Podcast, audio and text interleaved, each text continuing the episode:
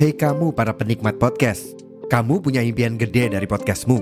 Tools di First Story bisa banget bantu kamu. Mulai dari F-Link, Dynamic Audio Insertion, sampai statistik yang komprehensif, semua ada di First Story.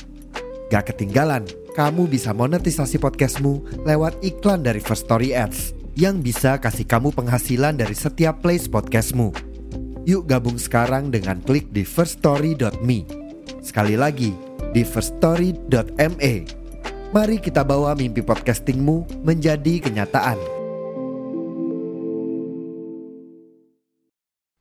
Check sound, check sound, one, two, three, check sound, check sound again, one, two, three. Kembali lagi dengan podcast yang di mana selalu pembahasannya bagus, kadang jelek, kadang apa pun ya, ya sudahlah.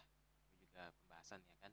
Di mana di Angkringan Malam season 3 Kabum, bum, bum, bum, bum, bum, bum.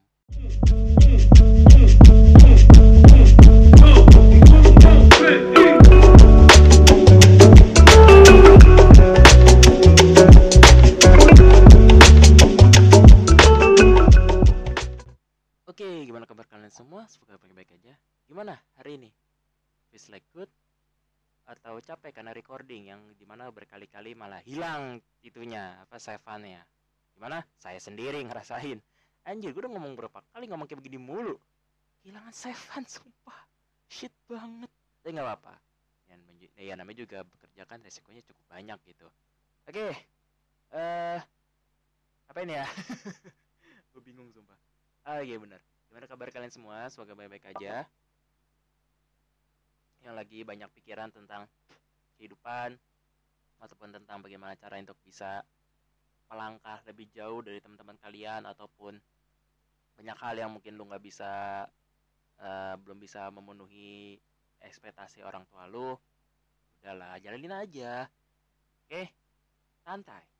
Oke, kali ini gue pengen ngangkat eh, pembahasan yang cukup apa namanya agak sedikit kembali lagi melanjutkan episode yang sebelumnya tentang Freemason ya. Jadi kan kemarin gue pernah bilang bahwa Freemason itu adalah salah satu apa ya organisasi besar yang di mana tuh cukup misterius yang di mana saking misteriusnya itu kadang di dikait-kaitkan dengan apa ya kontroversi kontroversinya yang kayak apa namanya eh, dalang dari serangan ini ini ini atau itu itu tuh. Bahkan menjadi kayak kambing hitam atau kayak kuda hitam gitu. Sebenarnya ya bisa dikatakan iya bisa dikatakan enggak. Ianya karena emang fakta di lapangannya begitu enggaknya adalah ada beberapa anggota yang di mana tuh tidak mengeklaim gitu. Ngeklaim di sini mungkin karena emang dia kayak punya anggotanya malah ngebuat organisasi yang mungkin sama namanya Freemason tapi agendanya berbeda gitu loh. Kan waktu di waktu gue bilang kemarin kan Freemason itu adalah salah satu organisasi yang memang berjalan kepada tingkat sosial. Tapi gue bukan mendukung ke Freemason ya tapi ya dari statement itu dia orang-orang itu mengatakan bahwa kayak yang tadi lo gue bilang ya ini Freemason itu adalah organisasi untuk kegiatan sosial gitu. Tapi sampai saat ini kita kita juga sebagai para yang mendengarkan itu kayak merasa kayak hmm apakah iya? gitu. Apakah yakin? Seperti itu. Nah berhubung pembahasan Freemason sudah selesai nah bagi yang belum nonton kalian bisa tonton dulu nanti di apa di eh, di, di episode gua di angkringan malam. Di semua platform sudah ada kalian tinggal dengerin aja dan gua akan bahas kali ini tentang eh, apa namanya ya eh, dalam bidang eh, ekonominya itu adalah temannya atau mungkin eh, apa namanya bidang bisnisnya itu adalah BlackRock. Siapa itu BlackRock? Dan apa saja agendanya? Dan sebenarnya ini punya siapa? Seperti itu. Nah kita akan bahas ini yang cukup lebih intens supaya kalian bisa memahami bahwa BlackRock ini itu adalah salah satu perusahaan ya dominan.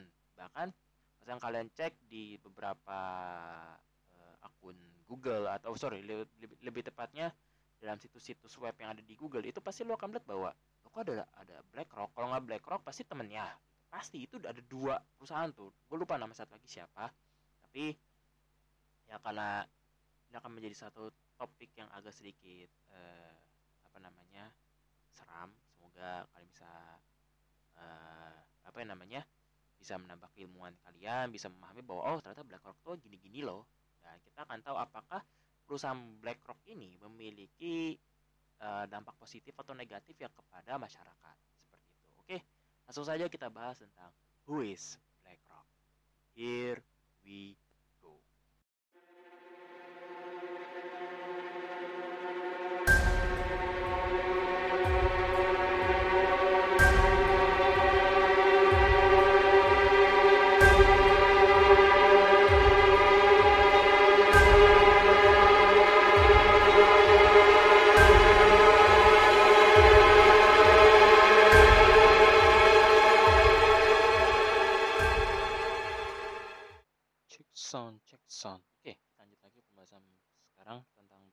Jadi begini, BlackRock itu merupakan salah satu perusahaan yang di mana dia itu basisnya emang pengelola apa ya aset gitu, ya kan.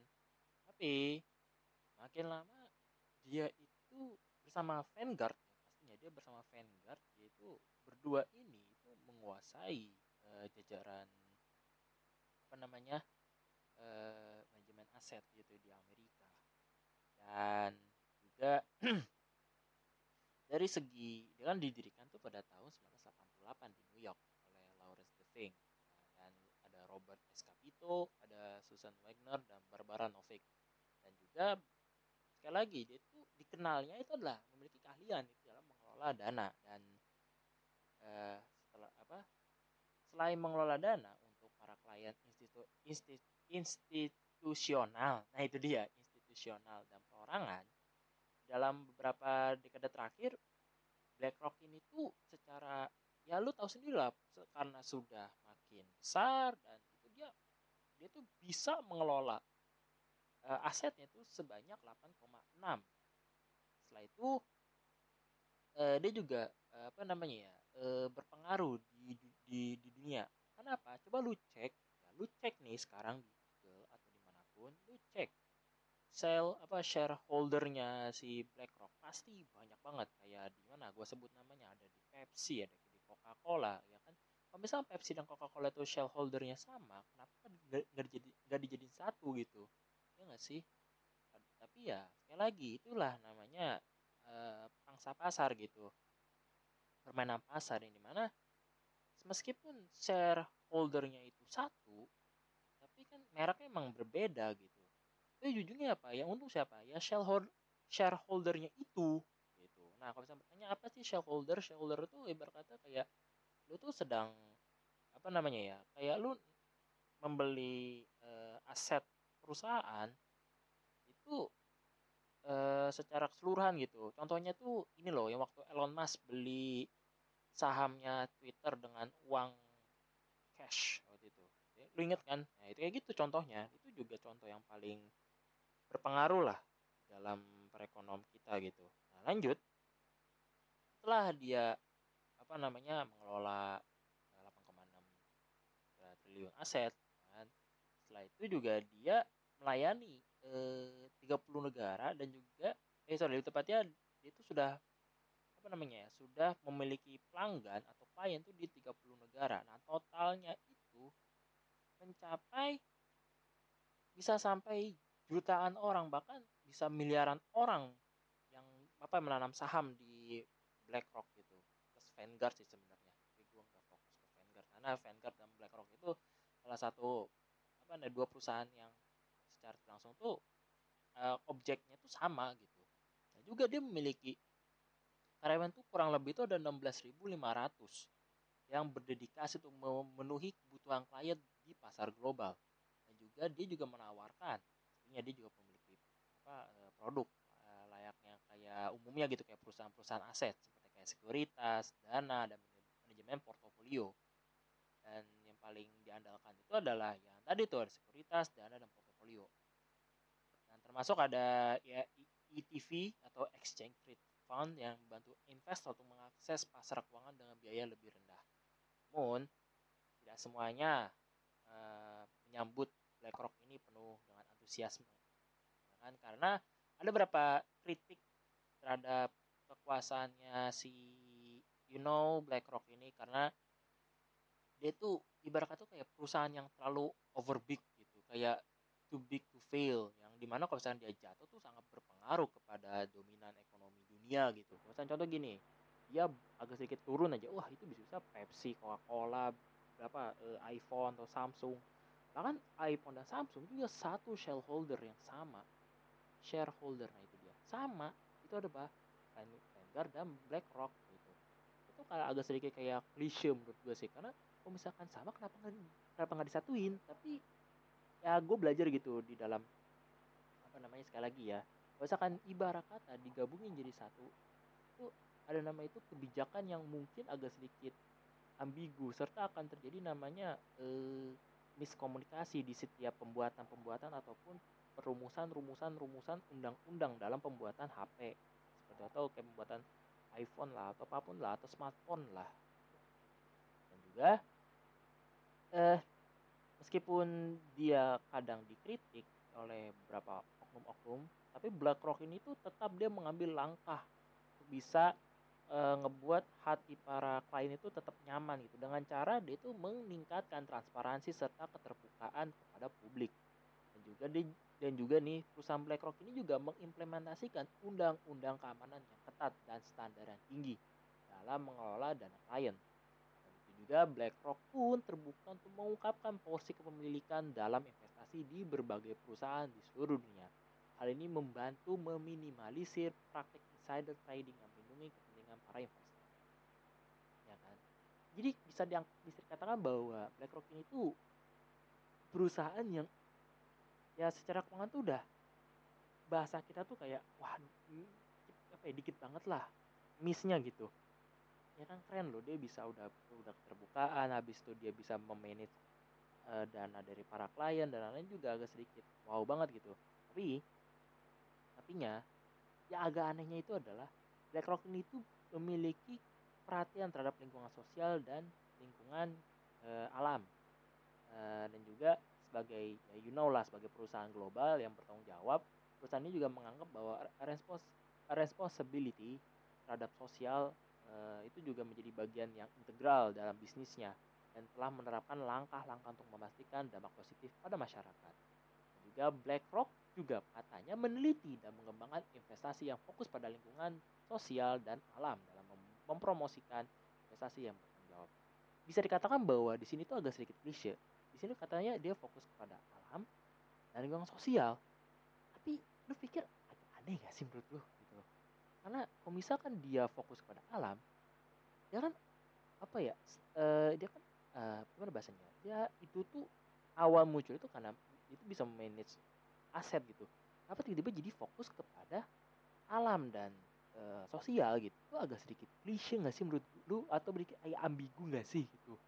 Karena kalau misalkan perusahaan jika namanya fokus kepada satu eh, apalagi bisa fokus kepada dua lingkungan alam dan sosial berarti tidak ada ada nama itu kemauan khusus dalam mencapai namanya double fee atau double uh, invest apa? Double money or money itu bisa dapat cuan lebih deras gitu.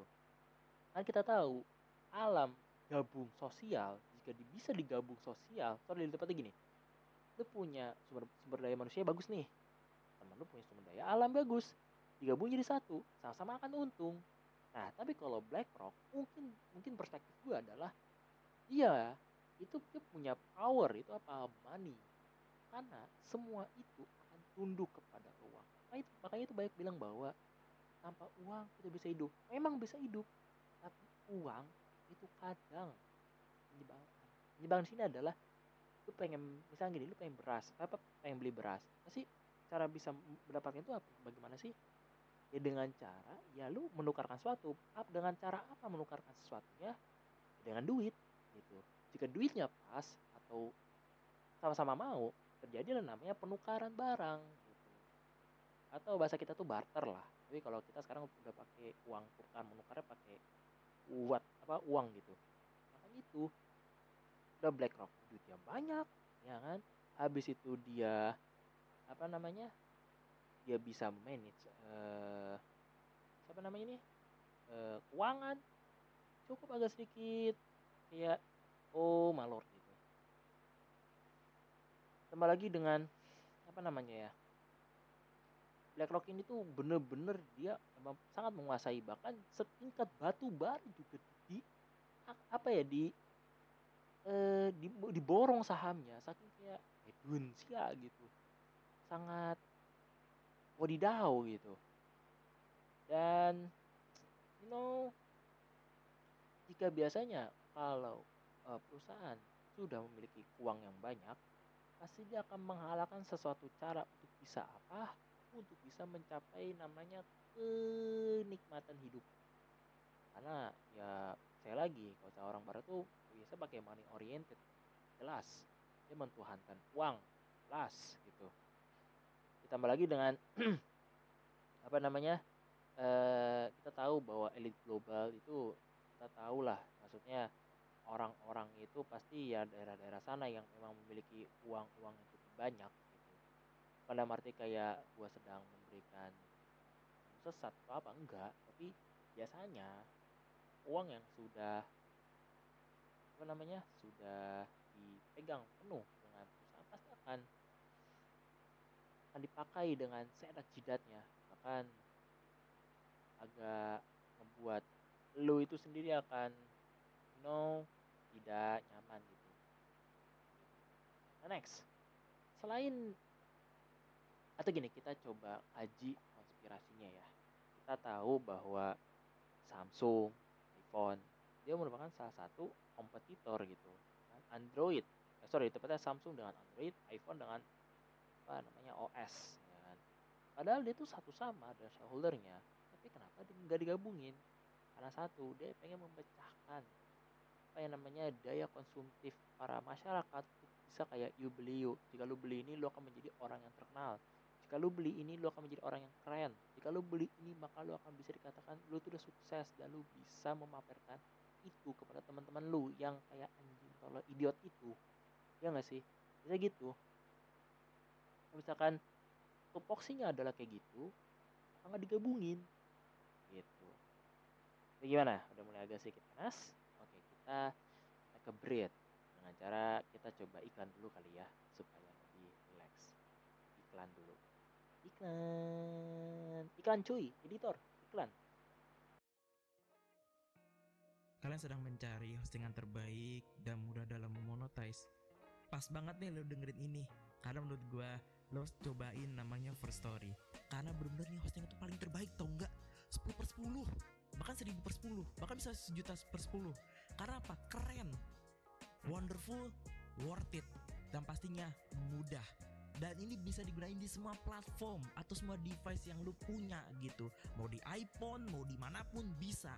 Bahkan lu bisa mendetailkan pendengar lu. Dengan cara apa? Lu tinggal gunain aja first story lu bisa tahu dari situ. Dan lu bisa mengeksplor semua semua pendengar dari episode-episode podcast lu. Dan sekali lagi jangan lupa gunain first story di device kalian mana pun kalian suka.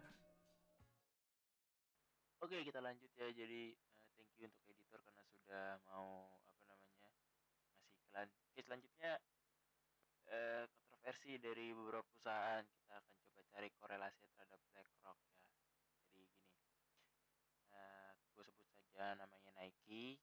Nike ini adalah salah satu brand uh, olahraga paling terkenal di dunia tapi perusahaan ini telah e, terjerat kontroversi terkait dengan kondisi buruhnya di pabrik-pabrik suku cadang di Asia atau yang biasa ngerakit sepatunya lah. Itu pada tahun 1990-an nah Nike ini terlibat dari kontroversi yang serius dengan kondisi kerja di pabrik-pabrik suku e, cadang milik perusahaan tersebut di Indonesia. Nah ini ada di Indonesia nih. Ini untuk para para masyarakat Indonesia bisa sembari dengarkan. Karyawan ini itu di eh, dituduh apa karyawan dituduh memaksakan jam kerja yang panjang dan upah yang rendah serta diperlakukan secara kasar oleh manajemen pabrik. Juga perusahaan merespon dengan meningkatkan upah dan melakukan audit internal di seluruh suku cadang miliknya di Indonesia. Meskipun di audit, meskipun uh, meningkatkan upah, tapi bisa dikatakan bahwa apa namanya ya namanya perusahaan itu pasti akan menutup nutupi dengan cara kayak upah supaya kayak yaudah diam aja deh gue kasih upah nih gitu. Atau kayak juga ya meskipun dikasih kayak apa secara ya, tadi dibilang sebelumnya kayak dikasih apa dikasih perlakuan yang kasar ataupun upah yang rendah kadang agak sen, agak menurut gue tuh kayak aduh sayang banget gitu. Apalagi sekelas Nike yang lu tahu sendiri lah Nike kan perusahaan terbesar yang lu apa ya harusnya tuh dikiranya tuh ya bagus ternyata. Ya sama aja kayak perusahaan-perusahaan yang sebelum-sebelumnya yang yang sering muncul di apa di mana ya di berita-berita nasional seperti itu. Oke lanjut. Selanjutnya ada Coca-Cola. Nah Coca-Cola ini kan pastinya adalah salah satu uh, brand atau merek uh, minuman terbesar dan terkenal di dunia. Nah, perusahaan itu terlibat dengan serangkaian kontroversi yang terkait dengan penggunaan air di seluruh dunia. Contohnya di India, nah, Coca-Cola ini dituduh menguras sumber daya air lokal dengan memaksa penduduk setempat untuk membayar harga yang mahal untuk air yang harusnya gratis. Nah, perusahaan tersebut juga dilaporkan menumpahkan limbah kimia berbahaya ke sungai dan sistem drainase yang mengancam kesehatan penduduk yang ada di setempat. Nah, bagaimana cara bisa apa si pihak Coca-Cola ini e, memperbaikinya? Itu dengan cara dia e, apa namanya? Itu fokus kepada kayak pembangunan yang ramah lingkungan dan program kese, apa kesetaraan air di seluruh dunia. Jadi padahal dia ngerusak tapi malah kok cakupannya dunia gitu. Harusnya kan fokusnya kepada daerah itu dong harusnya. Tapi malah apa namanya takut dengan malah disetarain udah nih akhirnya gue setarain secara dunia aja nih jebret gitu. Ya aneh gitu. Harusnya tuh fokus kepada tempat itu dan juga Sanbari itu ya dia ngasih apa eh, satu fee lah sebagai kayak rasa tanggung jawab medis karena karena ya dia sudah apa namanya e, terbukti merusak gitu harusnya. Tapi malah hanya memperbaikinya gitu jadi cukup aneh. Dan itu di lain sisi apa di sisi lain juga lo tahu bahwa e, kita ya, itu cakupannya global gitu. Pasti kebanyakan sekarang udah pada gendut udah pada males karena keseringan makan gula dengan tambah lagi dengan uh, lifestyle yang makin menurun uh, untuk apa menurunkan uh, kualitas dari manusianya. Kayak gimana? Contoh kayak TV ataupun YouTube yang sekarang algoritma itu merasa kebodohan gitu. Makanya tuh sekarang gua YouTube gua sekarang gua arahkan kepada pembahasan-pembahasan yang cukup apa namanya seru gitu kayak Gita Wirjaya ataupun Gamal ataupun yang lain gitu. Gue coba arahkan ke situ. Tapi kalau misalkan gue tidak arahkan ke situ wah anjir gue bisa satu lini kayak gitu. Tapi atau kemungkinan juga gitu meskipun kayak kangen dengan rasa kayak gitu tapi gue nonton kayak gue search sendiri. Sudah terus selesai. Kalau misalnya muncul gue langsung cari apa eh, tanda tiga titik langsung gue laporin dan kayak ini itu spam. Udah selesai. Karena apa gue nggak mau gitu. Pada saat gue nonton malah kayak, kayak anjing gitu. Lebih baik ya apa namanya ya lebih gue coba arahkan habis itu gue coba eh coba cari gitu. Sebenarnya apa yang ngebuat si apa algoritma kebodohan itu muncul? Ternyata gue lihat-lihat dari kalau kita nge-like atau kalau kita sering nonton tuh kan sering muncul gitu. Apalagi di Instagram yang sangat sensitif apalagi apa marketplace yang kita belum buka. Atau gini kayak bilang gini ah gue pengen buka uh, eh, HP nih atau pengen buka uh, contoh uh, sepatu olahraga gitu. Pasti muncul di marketplace. Nah sama aja kayak YouTube gitu. Kita belum nonton ataupun kita sudah nonton pasti akan muncul gitu. Itu adalah mungkin salah satu agenda terbesar itu adalah memainkan algoritma supaya masyarakat tuh ter apa ya ter influence terhadap konten-konten tersebut. Harusnya kan kalau misalkan ya yang namanya pengen memperbaiki atau kayak pengen you know layaknya apa ya mengembangkan pendidikan yang ada di dunia harusnya tidak dengan cara itu. Contohnya yang lu kalau misalkan lu lihat nih template dari berita ini nasional bukan di Indonesia ya kalau Indonesia pasti kadang beritanya satu tapi udah ke mana-mana gitu sama aja sebenarnya sih kayak yang di dunia gitu. Tapi secara langsung tuh template ngomongnya tuh sama gitu. Kalau Indonesia kan enggak kalau di luar negeri tuh sama gitu. Jadi kayak jadi gimana? Ini aneh banget gitu. Contoh gini Fox ataupun kayak apa uh, lagi ya HBO Live HBO wah HBO sih HBO Live. Tuh kadang-kadang kalau misalnya beritanya itu satu ya oh sorry maksudnya beritanya banyak tapi cara ngomongnya dan kadang ada agak sedikit mengasih bumbu-bumbu supaya kayak yuk masyarakat ini dunia itu pada nonton gitu. Ada bumbu-bumbunya gitu. Maka sampai saat ini gue tetap mempelajari gimana sih nih masyarakat bisa terinfluence kayak gitu loh? Kan siapa tahu kan. Dipakai di apa namanya di podcast gue tapi lanjut lagi. Eh first of all kita coba harus bisa merefleksikan bahwa kadang apa yang kita mau, kadang apa yang kita pengen, kadang yang kita sesuatu yang kita tonton dan apa yang kita makan itu harus perlu kita waspadai supaya apa? Supaya kita tidak terracun oleh eh, racun dunia gitu.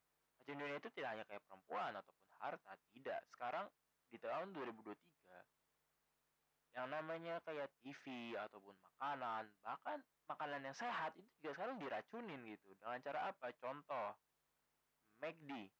Emang dagingnya itu pakai daging eh, asli? Enggak kan? Yang enggak dia tuh pakai implant beef. Apa itu implant beef? Eh implant beef. Apa itu implant beef? Implant beef adalah salah satu daging buatan yang diolah dan di pabrik dengan menggunakan unsur-unsur hara like ya gandum ataupun padi atau apa pun atau, atau apa pun itu dengan menggunakan komposisi bahan kimia yang di mana tuh harus menyamakan atau sama dengan daging yang sama-sama merah, sama-sama baunya kayak daging, tapi rasanya tuh ujung-ujungnya ya kayak gandum sebenarnya gitu. Tapi lidah kita tuh ditipu gitu. Ujungnya kita masuk apa? Masuknya daging lagi, daging lagi. Tapi yang bahaya itu apa? Baik bahan kimianya. Misalnya bahan kimia itu masuk ke dalam tubuh kita, oh waspadalah Anda nanti nanti nanti nanti bisa-bisa sakit. Ya, gitu. Jadi benar-benar kayak harus diwaspadai gitu. Tidak sekedar kayak yo kita makan apa pa- pasar lima sempurna. Sekarang pa- pasar lima sempurna pun sekarang udah tidak worth it gitu. Itu adalah menurut gue ya karena bahkan orang-orang yang eh, tingkatnya eh, atas pun juga bilang bahwa pasar pasar lima sempurna sekarang sudah tidak berlaku sekarang adalah sesuai dengan eh, apa namanya dari kalori yang kita butuhkan gitu kalau misalnya kalori yang kita butuhin segini ya segini gitu so gini lu butuh kalori sayurnya gini kalori dalam daging gini, kalori makan eh, karbo- karbohidrat gini. Harus sesuai dengan porsinya sekarang gitu. Bukan dalam arti kayak sesuai dengan ngomongnya si WHO. WHO mah juga kadang agak sedikit klise dan agak sedikit kayak eh bangke sebenarnya sih. Cuman dilihat lagi ya bahwa 45 sempurna itu sudah tidak worth it banget sekarang. Kan menggunakan namanya itu kalori. Bahkan ya jujur, gue terakhir nih, itu eh, pengalaman pribadi gue bukan makan di Warmindo. Ini mana tuh Warmindonya itu biasanya kalau gua makan itu tuh porsinya gede-gede gitu. Karbohidratnya banyak telurnya banyak minyak banyak bahkan minyaknya ya mohon maaf gitu juga banyak gitu. Tapi tetap enak gitu. Porsinya gede karena menurut gua ah kan oh ya kalau misalnya kalau karbohidratnya banyak ini, ini banyak ya enak gitu loh kenyang. Tapi pada saat kedatangan eh, gue coba tuh Warmindo baru kan yang di mana tuh Warmindo itu eh, menggunakan konsep itu kayak katanya sih pakai kalori. Gue cek kan kayak anjir nih banget kalorinya. Apa eh, secara bentuk sih bukan kalori tapi kayak eh, bentuknya gitu yang kayak nasinya dikit habis itu ada sayur-sayurnya ada kerupuknya. Pada saat gue makan sama doi gue gue makan gitu bareng gitu. Gue makan sep ya kenyang gitu anjir kok gue kenyang? Padahal gue biasanya kalau makan kalau makan yang sedikit itu nggak kenyang. Tapi ini kenyang. Jadi kayak eh, oke ini apa yang terjadi dalam badan gue gitu gue pikir. Tapi pada saat gue coba diskusiin dengan doi gue kayak oh ternyata ini emang sesuai dengan kalori yang dibutuhkan oleh manusia gitu. Jadi kayak wow gitu. Gue keren gitu. Ini tuh menjadi apa namanya salah satu eh, apa namanya eh, saran menurut gue sebuah perusahaan eh sorry, lebih tepatnya para kuliner kuliner di, di Indonesia bagi yang pengen makan tuh sekarang sesuai dengan kalorinya gitu. Meskipun dikit tapi di selain itu juga lu bisa menekan harga produksi lu sebenarnya. Tapi sekali lagi harus butuh sesuai dengan kalori yang dibutuhkan oleh manusia. Karena yang namanya kalori kalor, apa kalori itu kan berbeda-beda kan. Ada yang namanya kalori pagi kalori siang kalori malam kalori agak malaman dikit gitu atau agak malaman banget itu juga ada ya seperti itu. Agak aneh ya tapi ya ya seperti itulah oke lanjut. Kepada apa namanya eh, selain ada Nike tadi mungkin gue sedikit kejauhan. Tadi ada Nike dan Coca-Cola selanjutnya ada Volkswagen. Nah dari Volkswagen ini ada kontroversi yang terbaru melibatkan eh, manipulasi tes emisi kendaraannya untuk memenuhi standar emisi yang lebih baik. Nah, akibatnya apa sih? Akibatnya adalah perusahaannya harus membayar biaya eh, reparasi hingga sampai 14,7 miliar dolar dan beberapa petinggi perusahaan harus dipenjarakan. Hal ini mengganggu apa namanya mengganggu eh, mengganggu kredi, kredibilitas perusahaan dan menghasilkan kerugian besar dalam nilai saham perusahaan tersebut. Jadi karena dampak dia sudah memanipulasi emisi itu sahamnya si Volkswagen tuh turun gitu. Kemarin gue cek tuh sam gue cek di apa namanya di Google itu kalian sampai 20 apakah sampai 30 persen itunya poin turunnya gitu. Jadi agak sedikit wow banget. Kayak bahaya menurut gue. Eh selanjutnya. Ada the fucking good, a fucking the big fucking too big fail itu adalah Facebook. Itu yang buat meta apa metaverse Mark Zuckerberg. Mark Zuckerberg. Halo Mark Zuckerberg. Kalau misalnya lu denger ini uh, podcast. Oke lanjut ya jadi Facebook ini yes salah satu uh, sekali lagi dia itu merupakan uh, brand besar di dunia tapi telah terjerat dalam kontroversi terkait dengan data penggunaannya jadi sekitar tahun 2018 Facebook ini diketahui terlibat dalam skandal Cambridge Analytica yang meng mengeksploitasi data pribadi pengguna Facebook untuk mengembang, apa, mempengaruhi pemilihan presiden US. Nah saat itu Facebook juga dituduh membiarkan pengguna menyebarkan propaganda politik yang salah atau mengandung kebencian apa membiarkan ada namanya unsur kebencian di dalam uh, komunitas dari Facebook itu tersendiri. Tapi menurut gue ya, gue coba bedah satu persatu gitu dari segi dia menggunakan propaganda agak sedikit aneh sih karena propaganda di Facebook kan juga kayak gitu aja sih gitu selanjutnya ya itu kan tergantung dari kebijakan si pemilik uh, komunitas dari Facebook gitu. Misalkan dia bisa mengontrolnya bagus. Kalau misalkan enggak ya itu yang dipertanyakan gitu. Apakah dia membiarkan kebijakan itu datang? Hasilnya yang dipenjarakan adalah oknum itu gitu. tapi dalam bentuk kemungkinan gitu pihak Facebook juga begitu juga perlu meng mengkontrol gitu. Nah selanjutnya kita coba jeda kembali karena saatnya untuk iklan kembali. Here we go kalian sedang mencari hostingan terbaik dan mudah dalam memonetize. Pas banget nih lo dengerin ini. Karena menurut gue lo cobain namanya First Story. Karena bener-bener nih hosting itu paling terbaik tau nggak? 10 per 10 bahkan seribu per sepuluh. Bahkan bisa sejuta per sepuluh. Karena apa? Keren. Wonderful worth it. Dan pastinya mudah. Dan ini bisa digunakan di semua platform atau semua device yang lu punya gitu. Mau di iPhone mau di mana pun bisa bahkan lu bisa mendetailkan pendengar lu. Dengan cara apa? Lu tinggal gunain aja first story lu bisa tahu dari situ dan lu bisa mengeksplor semua semua pendengar dari episode-episode. Ntar deh guys ya ini sama gue juga lagi dengerin ini Bu Mega nih tentang pajak ya. Lagi dia lagi memberikan statement. Ini enggak enggak apa yang namanya enggak berkaitan sih sebenarnya dengan apa namanya tidak berhubungan dengan pembahasan sekarang cuman agak sedikit lucu terhadap apa melihat. Katanya negara Indonesia tuh merdeka bla bla bla bla. Tapi saya heran kok orang pajak korupsi? Takutnya orang itu orangnya orangnya partai ibu gitu. Tolong coba ditanyain. Semoga aja enggak. Oke kita fokus kepada pembahasan dan thank you kepada editor karena sudah memberikan uh, iklan ya iklan mulu gue oke itu lagi ya. Jadi ini gue kutip sekali lagi gue mau memberikan data real itu ada di CNN Business lu tinggal buka aja money.cnn.com ya tentang shareholders nah itu pemegang saham terbesar itu siapa sih? Nah, pertama tuh ada Vanguard. Dia tuh dia tuh itu memiliki sahamnya itu 12 juta eh, 12 miliar 944 ribu 053 dolar atau kayak ya intinya 12 juta 944 ribu 53 dolar. Gede sih share, share ownednya gitu. Kita ada total value atau jumlah harganya. Ah sorry itu jumlah yang didapatkan atau itunya itu sebesar 8 juta 661 sorry lebih tepatnya 8 miliar 661 juta 124 ribu 743 dolar gede coy. Lanjut. Nah itu ada share boats atau soul atau kayak eh, apa pemegang saham yang sudah dijual gitu. Dia tuh mendapat 78.126 poin. Itu gede cuy. Ditambah lagi dengan total change atau apa jumlah perubahannya itu ada eh, 0,61 persen.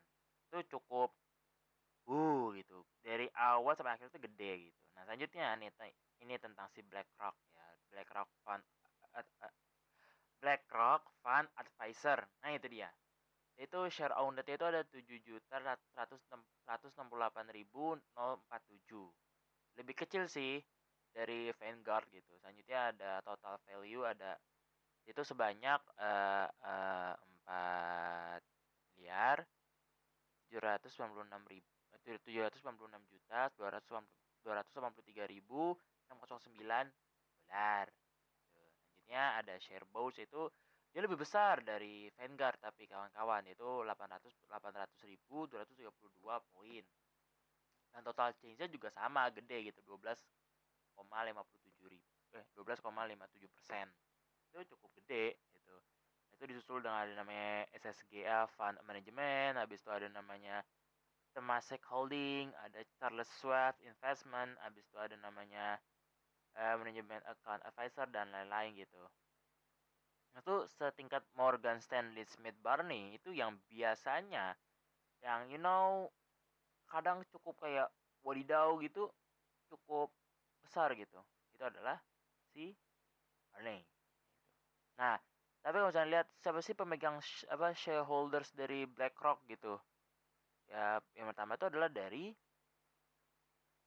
eh mutual fund gitu atau tem- relasi mencari mungkin kalau menurut gue sih.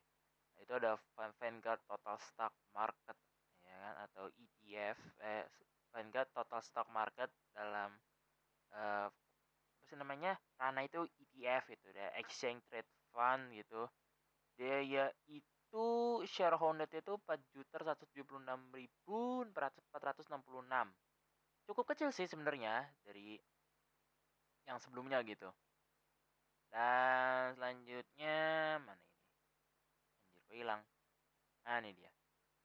Terus itu ada ini- ini lagi dari ada disusul oleh Washington Mutual Investor Fund itu eh, satu juta lima ratus lima ratus sorry lebih tepatnya satu satu miliar lima ratus lima puluh delapan juta delapan ratus tiga puluh delapan ribu delapan ratus dua puluh tujuh rak gitu. Tapi ya sekarang lagi minus sih minusnya sembilan puluh lima ribu tiga ratus poin. Itu total change-nya itu 3,93 sen. Ya cukup eh gimana ya? Ya lumayan gitu. Tapi sekali lagi ini kalau kalian pengen baca-baca tentang siapa aja shareholders dari Vanguard atau eh, siapa eh, BlackRock ataupun yang lain kalian bisa cari aja di di CNN Business. Kan di sini dijelaskan secara detail gitu. Jadi kayak ada namanya eh, you know kayak kalau kita tuh bahasanya itu timelinenya lah. Yang siapa aja yang sudah nyentuh 1,5 miliar habis itu siapa yang lagi minus berapa eh, persen. Nah itu jadi dijelaskan di CNN Lagi pada pembahasan. Jadi BlackRock ya mau BlackRock eh BlackRock lagi. Mau BlackRock ataupun Vanguard adalah salah satu apa namanya ya perusahaan yang cukup mendominasi eh, tatanan dalam eh, dunia gitu. Tapi di sisi lain sebenarnya dia punya agenda-agenda fu- apa ya ada agenda-agenda agenda-agenda spesial maksud gue gitu yang kadang kita perlu mewaspadai supaya apa? Supaya tidak terjadi namanya tuh misunderstanding. Maksudnya pada saat eh, ada isu takutnya isu itu dari perusahaan lagi. Contohnya kayak covid gitu. Ba- banyak yang bilang bahwa covid itu adalah eh, rekayasa dan juga ada juga a- alami tapi nggak mungkin dong. Yang namanya eh, apa namanya eh, penyakit itu dibuat secara bagus gitu. Karena eh, ada peneliti bahwa eh, bentuknya covid itu kan bagus. Jadi kadang kalau misalkan penyakit itu bagus takutnya ada namanya eh, rekayasa genetika atau ya rekayasa virus atau apa pun itulah yang menjadi salah satu cukup eh, berbahaya gitu. Karena percuma dong lu udah buat uh, virus tapi malah diperkecil gitu dengan ya oknum-oknum sana gitu yang untuk mencari uh, keuntungan gitu karena kita tahu yang namanya uh, perusahaan pasti akan mencari namanya uh, the double fee atau ya mengincar money money gitu. Meskipun dia adalah money oriented tetap saja dia menjadi salah satu yang paling paling dominan gitu. Ya meskipun emang awal basisnya adalah manajemen aset tapi kalau misalkan sudah mengerti kayak lingkungan sosial nanti lingkungan alam lingkungan apa eh, budaya tentunya apa eh, ini apa Bill Gates gitu. Dia itu apa ya basisnya kan dia kan pembuat Microsoft tapi kok ngerti lingkungan sosial tapi kalau lingkungan alam dia ngerti tiba-tiba dia kesehatan juga ngerti. Kayak ini sih multi talenta banget gitu. Lu ngomong gini apakah udah apa udah ada skripnya layaknya podcast atau gimana gitu? Lu, lu coba cek deh dia waktu dia ngomong Bill Gates itu ya ayo kita gini gini gini yang tentang implant beef gitu. Implant beef itu apa ya makanan sehat ini mana tuh ya apa namanya meng, ya intinya menggaung-gaungkan daging makanan daging itu tuh tidak sehat. Padahal kita tahu bersama bahwa daging daging makan daging hewan tuh sehat gitu. Itu itu apa? Dikelolanya bagaimana? Mengelola cara biar bisa menjadi makanan tuh gimana? Supaya menjadi sehat asal gitu. Tapi malah dicapnya malah jelek. Ya kembali lagi pada zaman jahiliyah yang ada ntar itu maka itu zaman sekarang yang namanya eh, kabut gitu. Kan di akhir zaman pernah apa eh, tapi kan pernah bilang gitu di akhir zaman tuh eh, yang baik dibilang buruk yang buruk dibilangnya baik ya itulah sekarang gitu itu sudah menjadi masa yang sekarang yang kita laluin gitu. Nah kita sebagai uh, umatnya Nabi Muhammad SAW Nabi pernah bilang gitu peganglah kebenaran itu ibarat kata kamu sedang memegang api yang membara gitu. Jadi kita pegang itu sekuat mungkin meskipun panas pegang gitu. Tapi ya ya you know lah karena sekarang juga yang namanya megang api malah dibilangnya kayak ya lu so apa namanya ketek banget sih culun banget lemah banget. Nanti lah chill lah chill. Iya gue tahu ngecil tuh bagus gitu ngegame sih bagus tapi ya lain kali bahas lah gitu. Kita kenal lagi yuk ke apa namanya ke pembahasan-pembahasan yang sesuai dengan agamanya kita masing-masing gitu. Misalkan lo ajaran Islam ya kita fokus kepada apa ajaran apa ag, eh, ilmu yang sudah dikasih oleh Nabi Muhammad SAW misalnya lu Buddha ya lu gitu Kristen ya gitu kan serah gitu. Jadinya adalah agama lu agama lu agamaku agamaku gitu. Jadi ya seperti itu. Oke lanjut kepada sesi penutup di angkringan malam season 3 kabum bum bum bum bum bum bum bum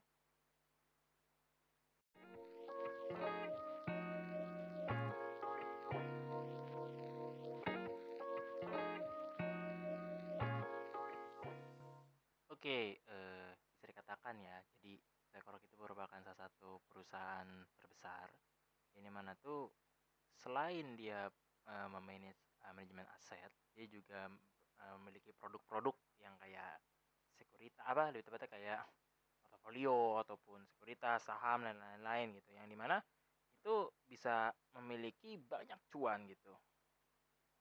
Habis itu ditambah dari segi no dari segi siapa namanya ya pemiliknya dia juga sangat karismatik visioner dan memiliki inovasi yang cukup cukup relevan.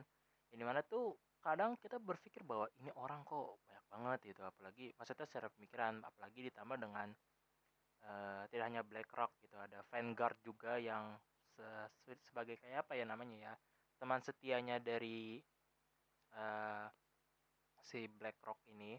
Tapi uh, you know karena kita tahu kalau misalnya perusahaan besar tapi dia sudah uh, uh, sudah puas di bidang yang dia sudah kuasain dia akan bisa menguasai di bidang lain kayak apa dia bisa manage uh, apa kesehatan makanan sehat obat-obatan ataupun pendidikan ataupun uh, apa transportasi yang di mana tuh pundi-pundi cuan di situ tuh cukup you know gede gitu.